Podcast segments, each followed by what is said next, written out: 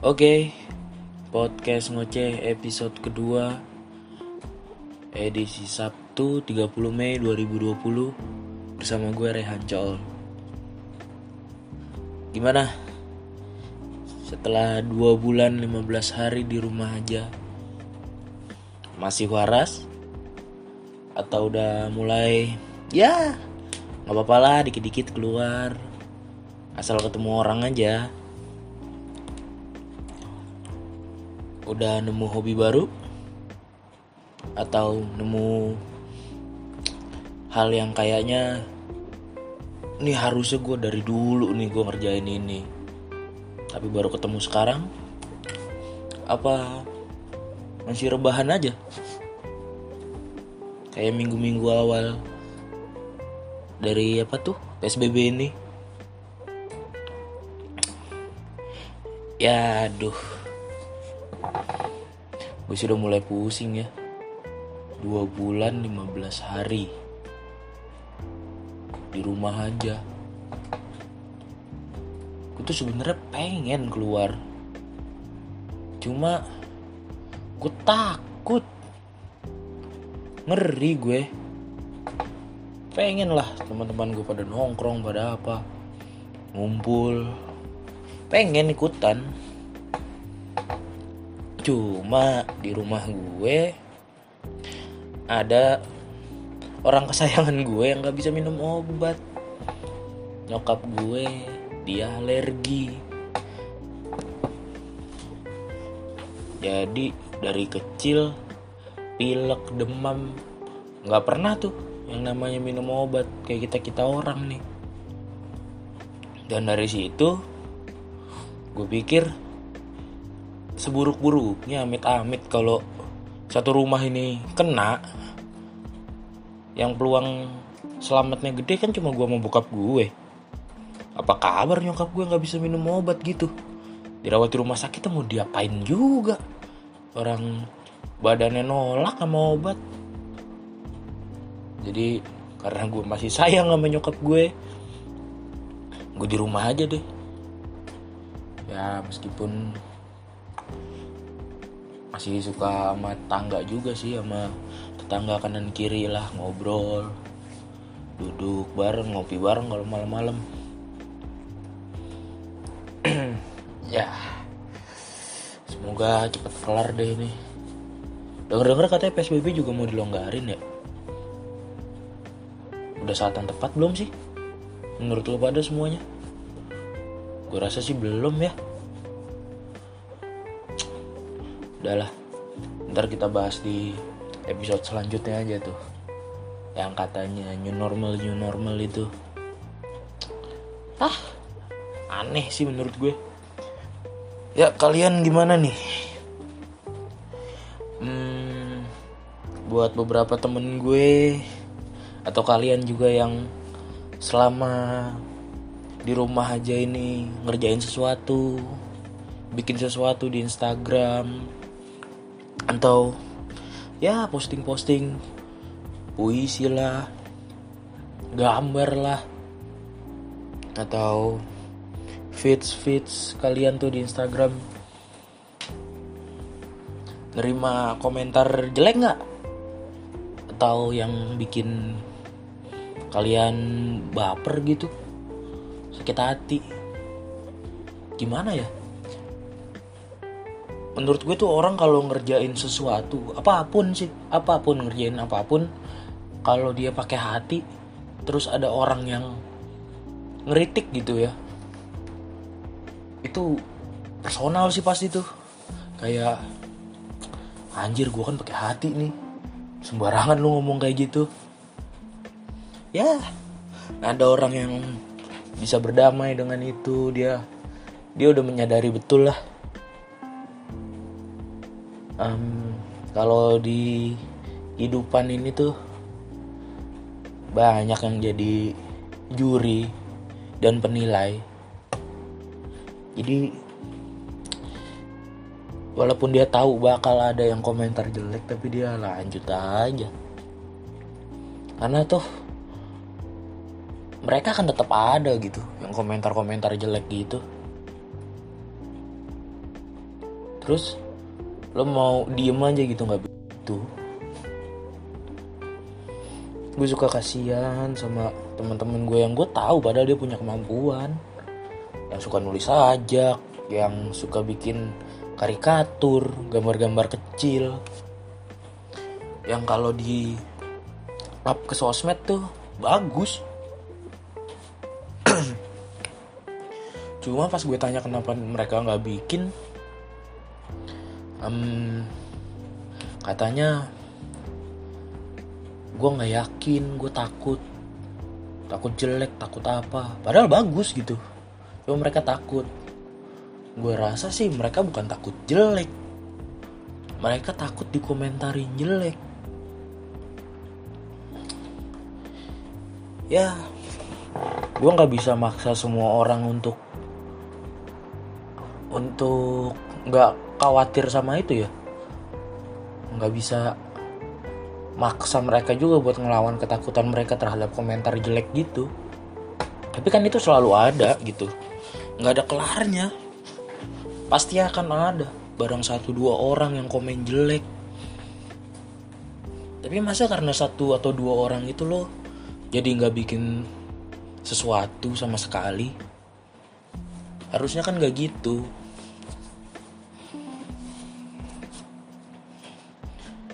gue nggak tahu baru sekarang atau emang udah dari lama cuman hmm, hangat dibahas baru sekarang tentang overthinking, insecure dan lain-lain. Kayaknya dulu-dulu nggak ada apa gue yang nggak tahu ya.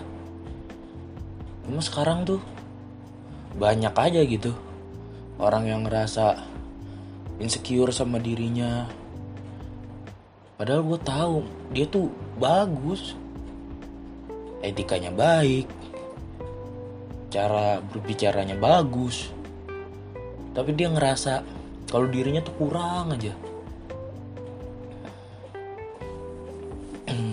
Gue nggak tahu ya mungkin dia pernah ngalamin sesuatu di hidupnya sampai merubah cara pandang dia dan cara dia ngejalanin hidup sehari-hari tapi gue rasa kasihan gitu loh. Kita hidup cuma sekali. Kalau kita nggak manfaatin bener-bener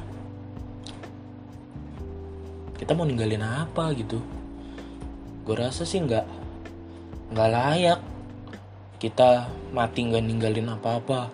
Cuma karena takut sama omongan orang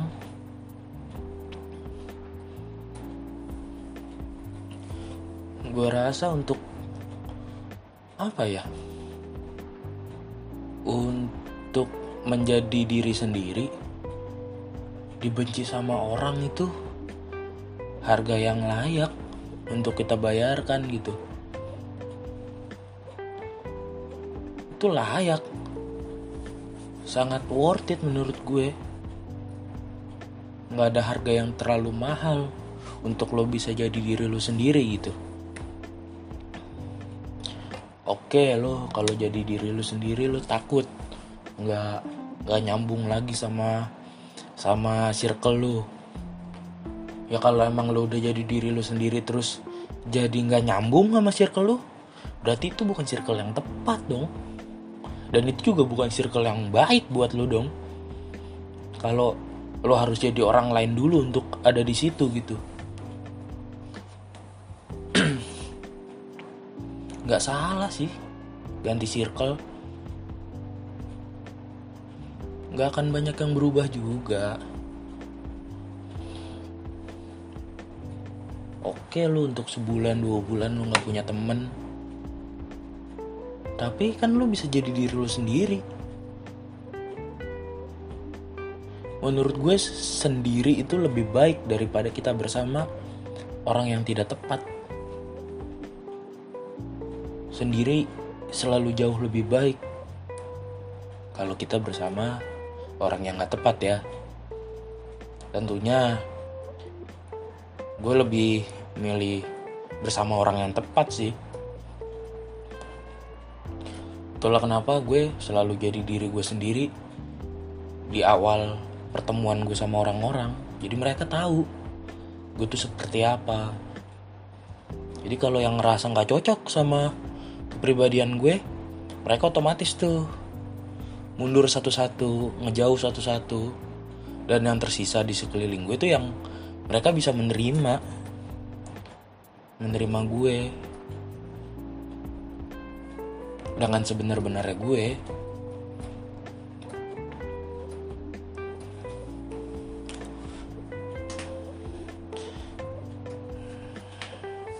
terus nih banyak lagi orang-orang yang overthinking gitu. Gue ngeliat di twitter rame banget. Overthinking sampai pagi. Siang makan nasi kalau malam anxiety.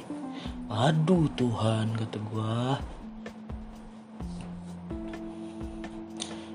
gue kadang penasaran sih mereka tuh mikirin apa ya? Mikirin sesuatu yang apa sih? Kalau gue palingan kayak nih gue mau bikin podcast. Apa kata orang-orang ya? Suara gue bagus nggak ya di mic? Um, banyak bakal banyak yang denger nggak ya? Komentar orang bakal bagus nggak ya soal podcast gue? Kalau gue mikir gitu terus ya nggak jalan-jalan podcast gue. Nggak ada nih podcast ngoceh ini episode 2 baru-baru episode 2 buat trailer aja belum jadi kali. Kalau gue masih mikirin terus gitu. Pernah ada yang bilang ke gue ya col emang lu nggak pernah overthinking gitu tentang sesuatu? Terus gue bilang enggak buat apa gitu loh. Sesuatu nggak bakal berubah kalau cuma dipikirin gitu. Kalau gue ya mending gue mikirnya nggak terlalu lama nih. Tapi gue langsung jalan. Andai kan gue salah pemikiran gue nggak mateng gue tahu kalau gue salah tuh secepat mungkin. Jadi gue masih punya waktu untuk memperbaikinya tapi gue jalan dulu tuh gue melangkah dulu. Banyak teman-teman gue yang dia mau ngelakuin sesuatu aja tuh. Dipikir berkali-kali. Tapi ujung-ujungnya malah nggak dijalanin gitu loh.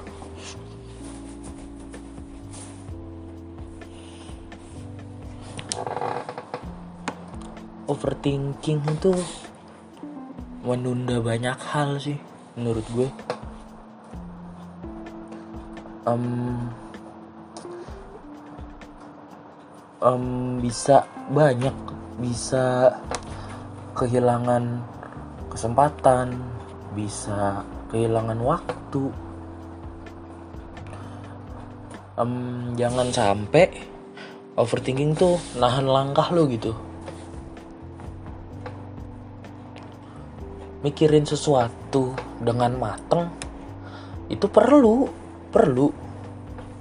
Cuma dari beberapa orang yang mereka bilang mereka overthinking terus gue ajak diskusi gue lihat nih apa sebenarnya yang mereka pikirin? Sebenarnya nggak nggak runyam runyam banget yang mereka pikirin tuh. Cuma mereka muter-muter aja di situ mereka udah tahu. Itu tuh nggak perlu dipikirin lebih lanjut. Tinggal dijalanin. Cuma mereka ragu buat ngejalanin itu. Dan mereka pikirin lagi. Itu mereka sebut overthinking. Gue nggak tahu kalau ada orang orang lain yang overthinkingnya beda atau makna overthinking yang sebenarnya seperti apa. Tapi dari beberapa orang yang gue ajak ngobrol dan mereka mengaku overthinking kayaknya begitu aja. Mereka cuma ragu mereka nggak percaya sama diri mereka gitu nggak percaya sama kemampuan yang mereka punya. Mereka nggak yakin kalau mereka bisa.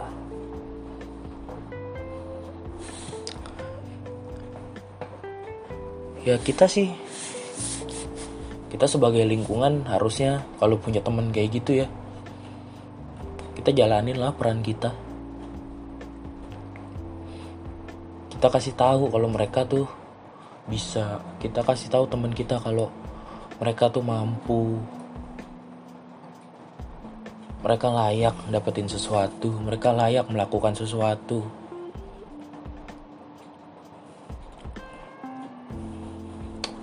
Lagian juga ya kalau orang melakukan sesuatu untuk pertama kali kayaknya wajar deh kalau nggak bagus gitu hasilnya.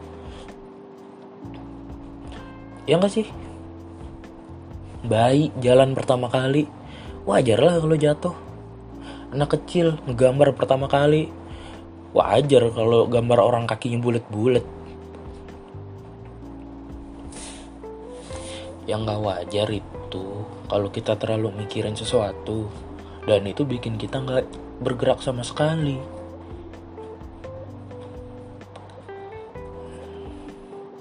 gue takutnya ya overthinking ini mengalami pelebaran makna sih.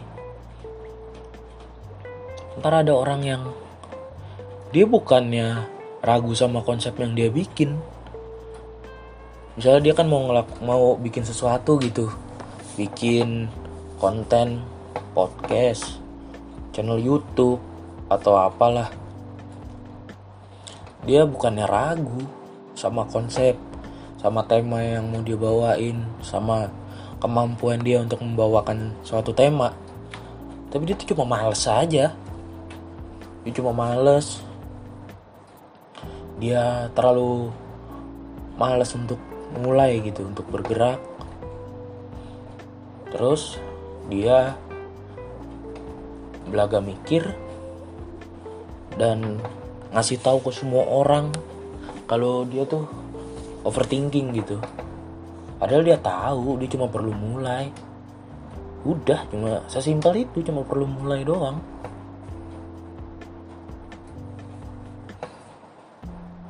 Gue takutnya itu aja. Maknanya jadi melebar gitu nggak nggak seperti aslinya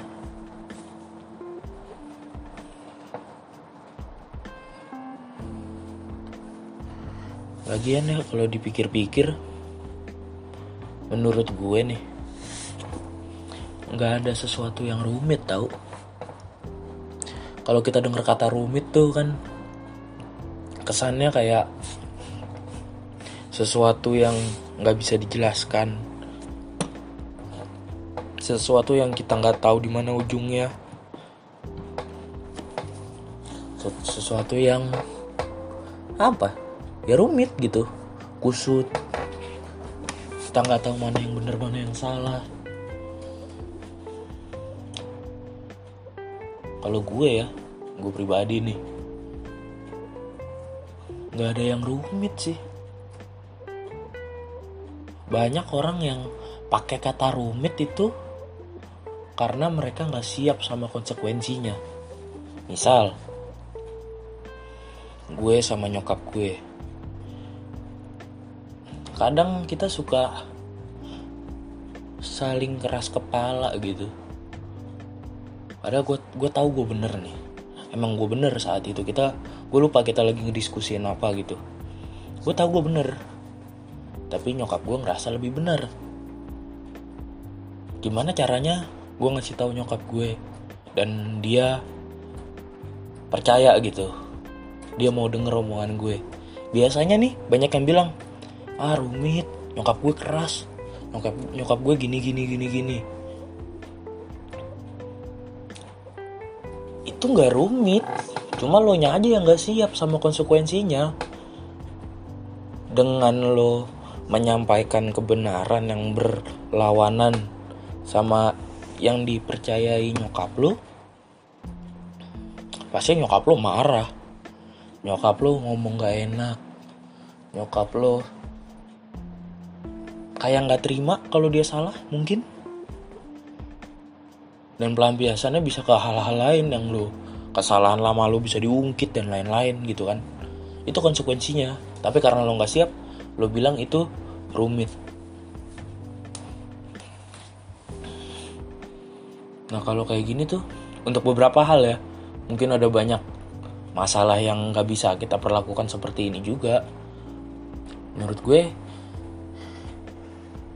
konsekuensi apa pun itu layak demi sebuah kebenaran gitu loh.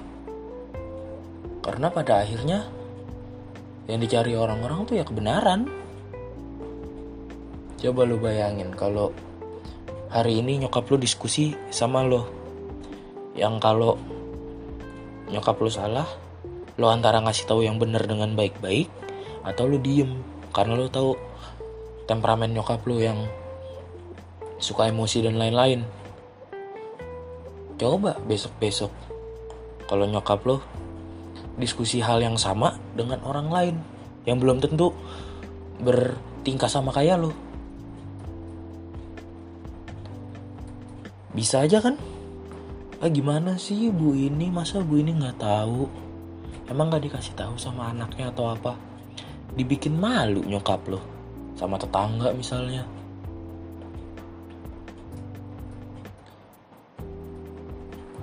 lebih baik nyokap lo marah-marah sama lo tapi dia tahu yang bener. Daripada akhirnya kenanya sama orang lain. Menurut gue sih gitu. Meskipun dia bakal marah-marah sama gue nih. Tapi kalau gue tahu yang gue sampein itu bener ya gue sampein. Gitu loh. Daripada ntar nyokap gue yang susah ribet lagi nanti. Ya emang sih nggak semua masalah bisa diselesaikan dengan seperti itu gitu. Banyak hal-hal yang emang beneran rumit.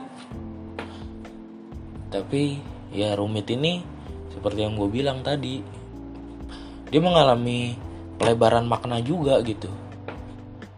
Kita yang gak siap tapi kita nyalahin nyalahin apa nyalain situasi gitu. Situasinya rumit nggak bisa gini nggak bisa gitu. Oh bukan situasinya dong. Lu yang nggak siap berarti. Lu kan tahu itu bakal terjadi. Kalau lu bilang rumit untuk suatu hal yang lo nggak tahu pasti apa yang akan terjadi oke okay, gue setuju kalau itu. Tapi kalau um, lo harus gimana? Harus A B C. Kalau A apa yang terjadi lo tahu. Kalau B lo juga tahu apa yang akan terjadi. C sama lo juga tahu. Ya udah itu bukan rumit dong. Lo tahu apa yang akan terjadi. Dan lo bisa nyiapin bisa siap-siap sama apa yang akan terjadi setelahnya. Cuma karena lo belum siap atau lo belum bisa menerima itu ya jadi lo bilang rumit aja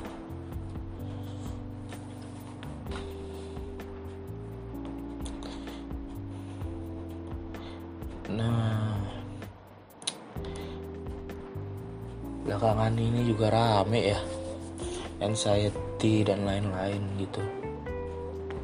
Orang gelisah. Ini nih, di sini nih peran circle dan temen tuh penting menurut gue. Support system, orang yang spesial. Orang yang spesial tuh nggak harus cuma satu atau nggak harus juga pacar gitu. Circle lu bisa jadi orang yang spesial. Spesial yang sehat gitu nggak nggak apa sih toksik ya bahasanya ya. Sehat saling mendukung saling support. Ya mereka tuh ngumpul bukan untuk ngebanggain dirinya masing-masing. Tapi mereka ngumpul karena tahu mereka punya banyak kekurangan dan mereka bisa saling nambel gitu kekurangannya masing-masing. Saling melengkapi saling dukung. Biasanya nih anxiety ini dihasilkan sama circle-circle yang apa ya? Yang kayaknya tuh secara kasta sosial lebih tinggi gitu circle anak-anak hits circle anak-anak apalah. Daripada isinya support mereka malah tekanan. Mereka merasa harus selalu perfect di setiap saat. Karena kalau mereka nggak perfect nih kayaknya kelayakan mereka untuk berada di circle itu tuh berkurang gitu. Kan nggak bagus ya begitu ya gue yakin kalau semua circle semua geng gaul gitu sehat saling dukung. Mereka di situ buat saling melengkapi nambel kekurangan-kekurangan masing-masing kan. Nggak bakal ada tuh orang-orang yang takut sama komentar orang. Orang yang gelisah tiap malam nggak bisa tidur orang mikirin kira-kira sampai kapan gue bisa diterima di circle itu. Kayaknya nggak bakal ada tuh.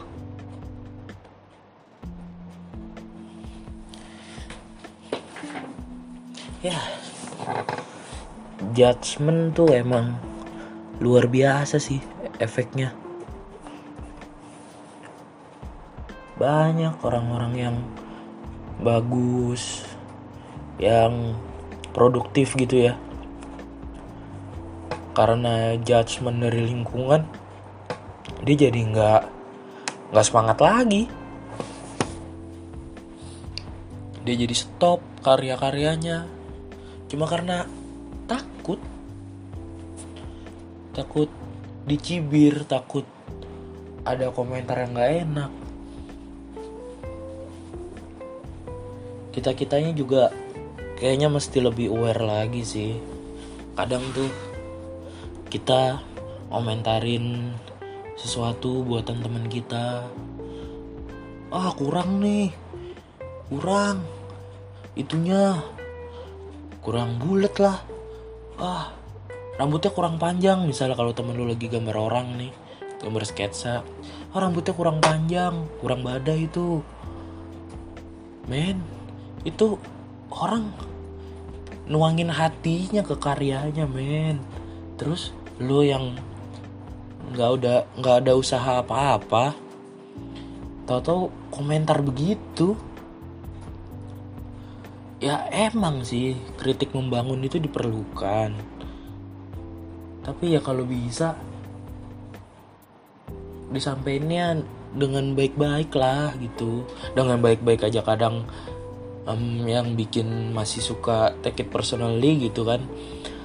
Karena emang dia ngerjainnya pakai hati gitu. Terus lo yang nggak tahu apa-apa komentar begitu wajar sih kalau dia agak sulit nerimanya. Cuma kan yang baik-baik aja belum tentu bisa diterima apalagi yang sembarangan gitu loh.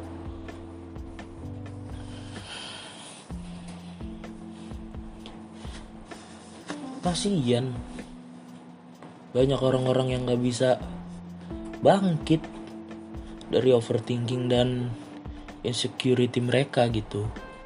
Sementara lo bisa seenaknya ngomong apa di sana ngomong apa di sini. Mereka yang tadinya udah pengen lepas dari insecure-nya mereka tiba-tiba lo ngasih komentar gak enak ngasih komentar jelek udah masuk lagi mereka mungkin mereka bakal kapok buat timbul ke permukaan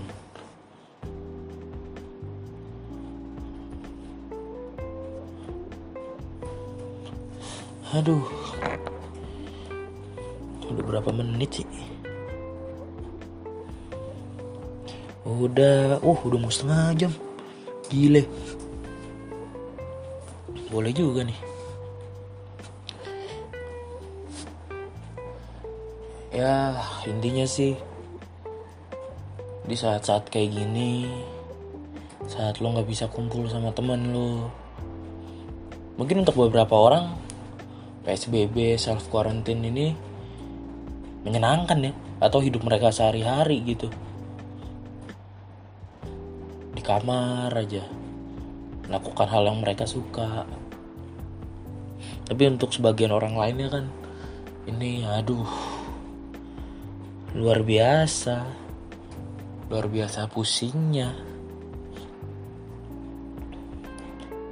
Gue baru sekarang nih ngerasain capek nggak ngapa-ngapain.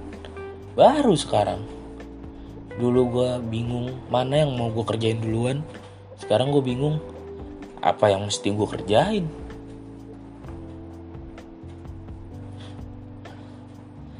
Ya di saat-saat kayak gini menyayangi diri sendiri itu pilihan yang tepat sih. Dan overthinking itu bukan pilihan yang bagus untuk saat-saat sekarang ini. Kalau di kampus lo overthinking oke okay, lo ketemu temen lo bisa um, sejenak teralihkan gitu.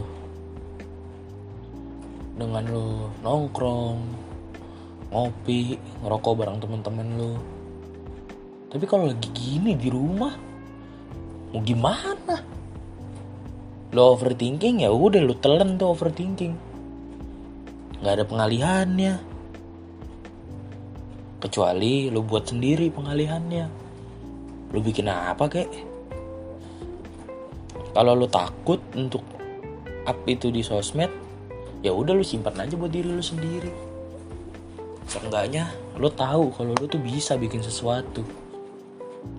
Kalau lo ngerasa ini bisa bermanfaat dan memotivasi orang lain lo boleh up di sosmed.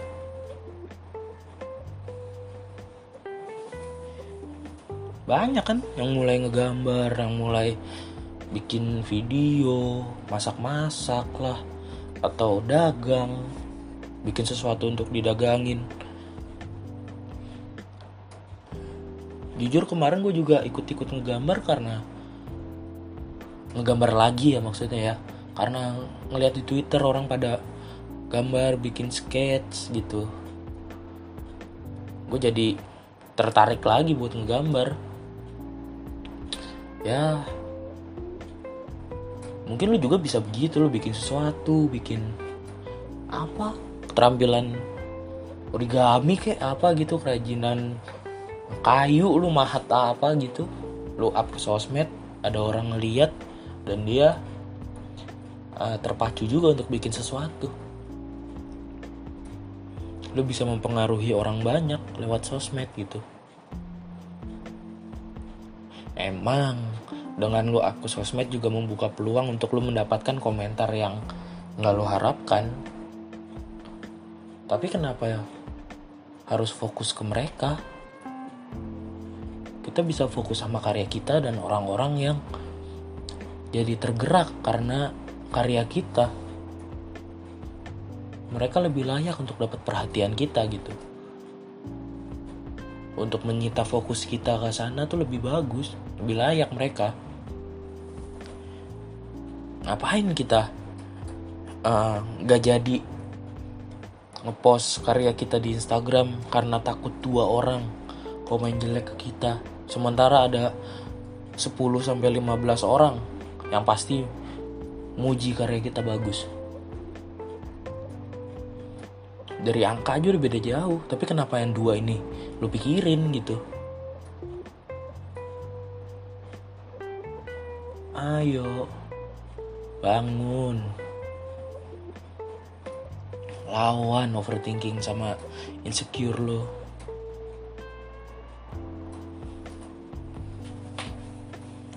kalau lo mikirin orang lain terus mau kapan lo hidupnya? Kita hidup cuma sekali. Yang ngejalanin dan ngerasain juga kita sendiri. Kenapa kita sibuk sama omongan orang?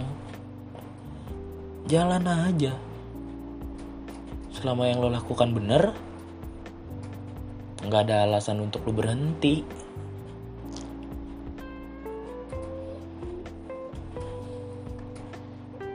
nih PSBB nih. Kesempatan buat berkarya dan bikin sesuatu tuh banyak banget.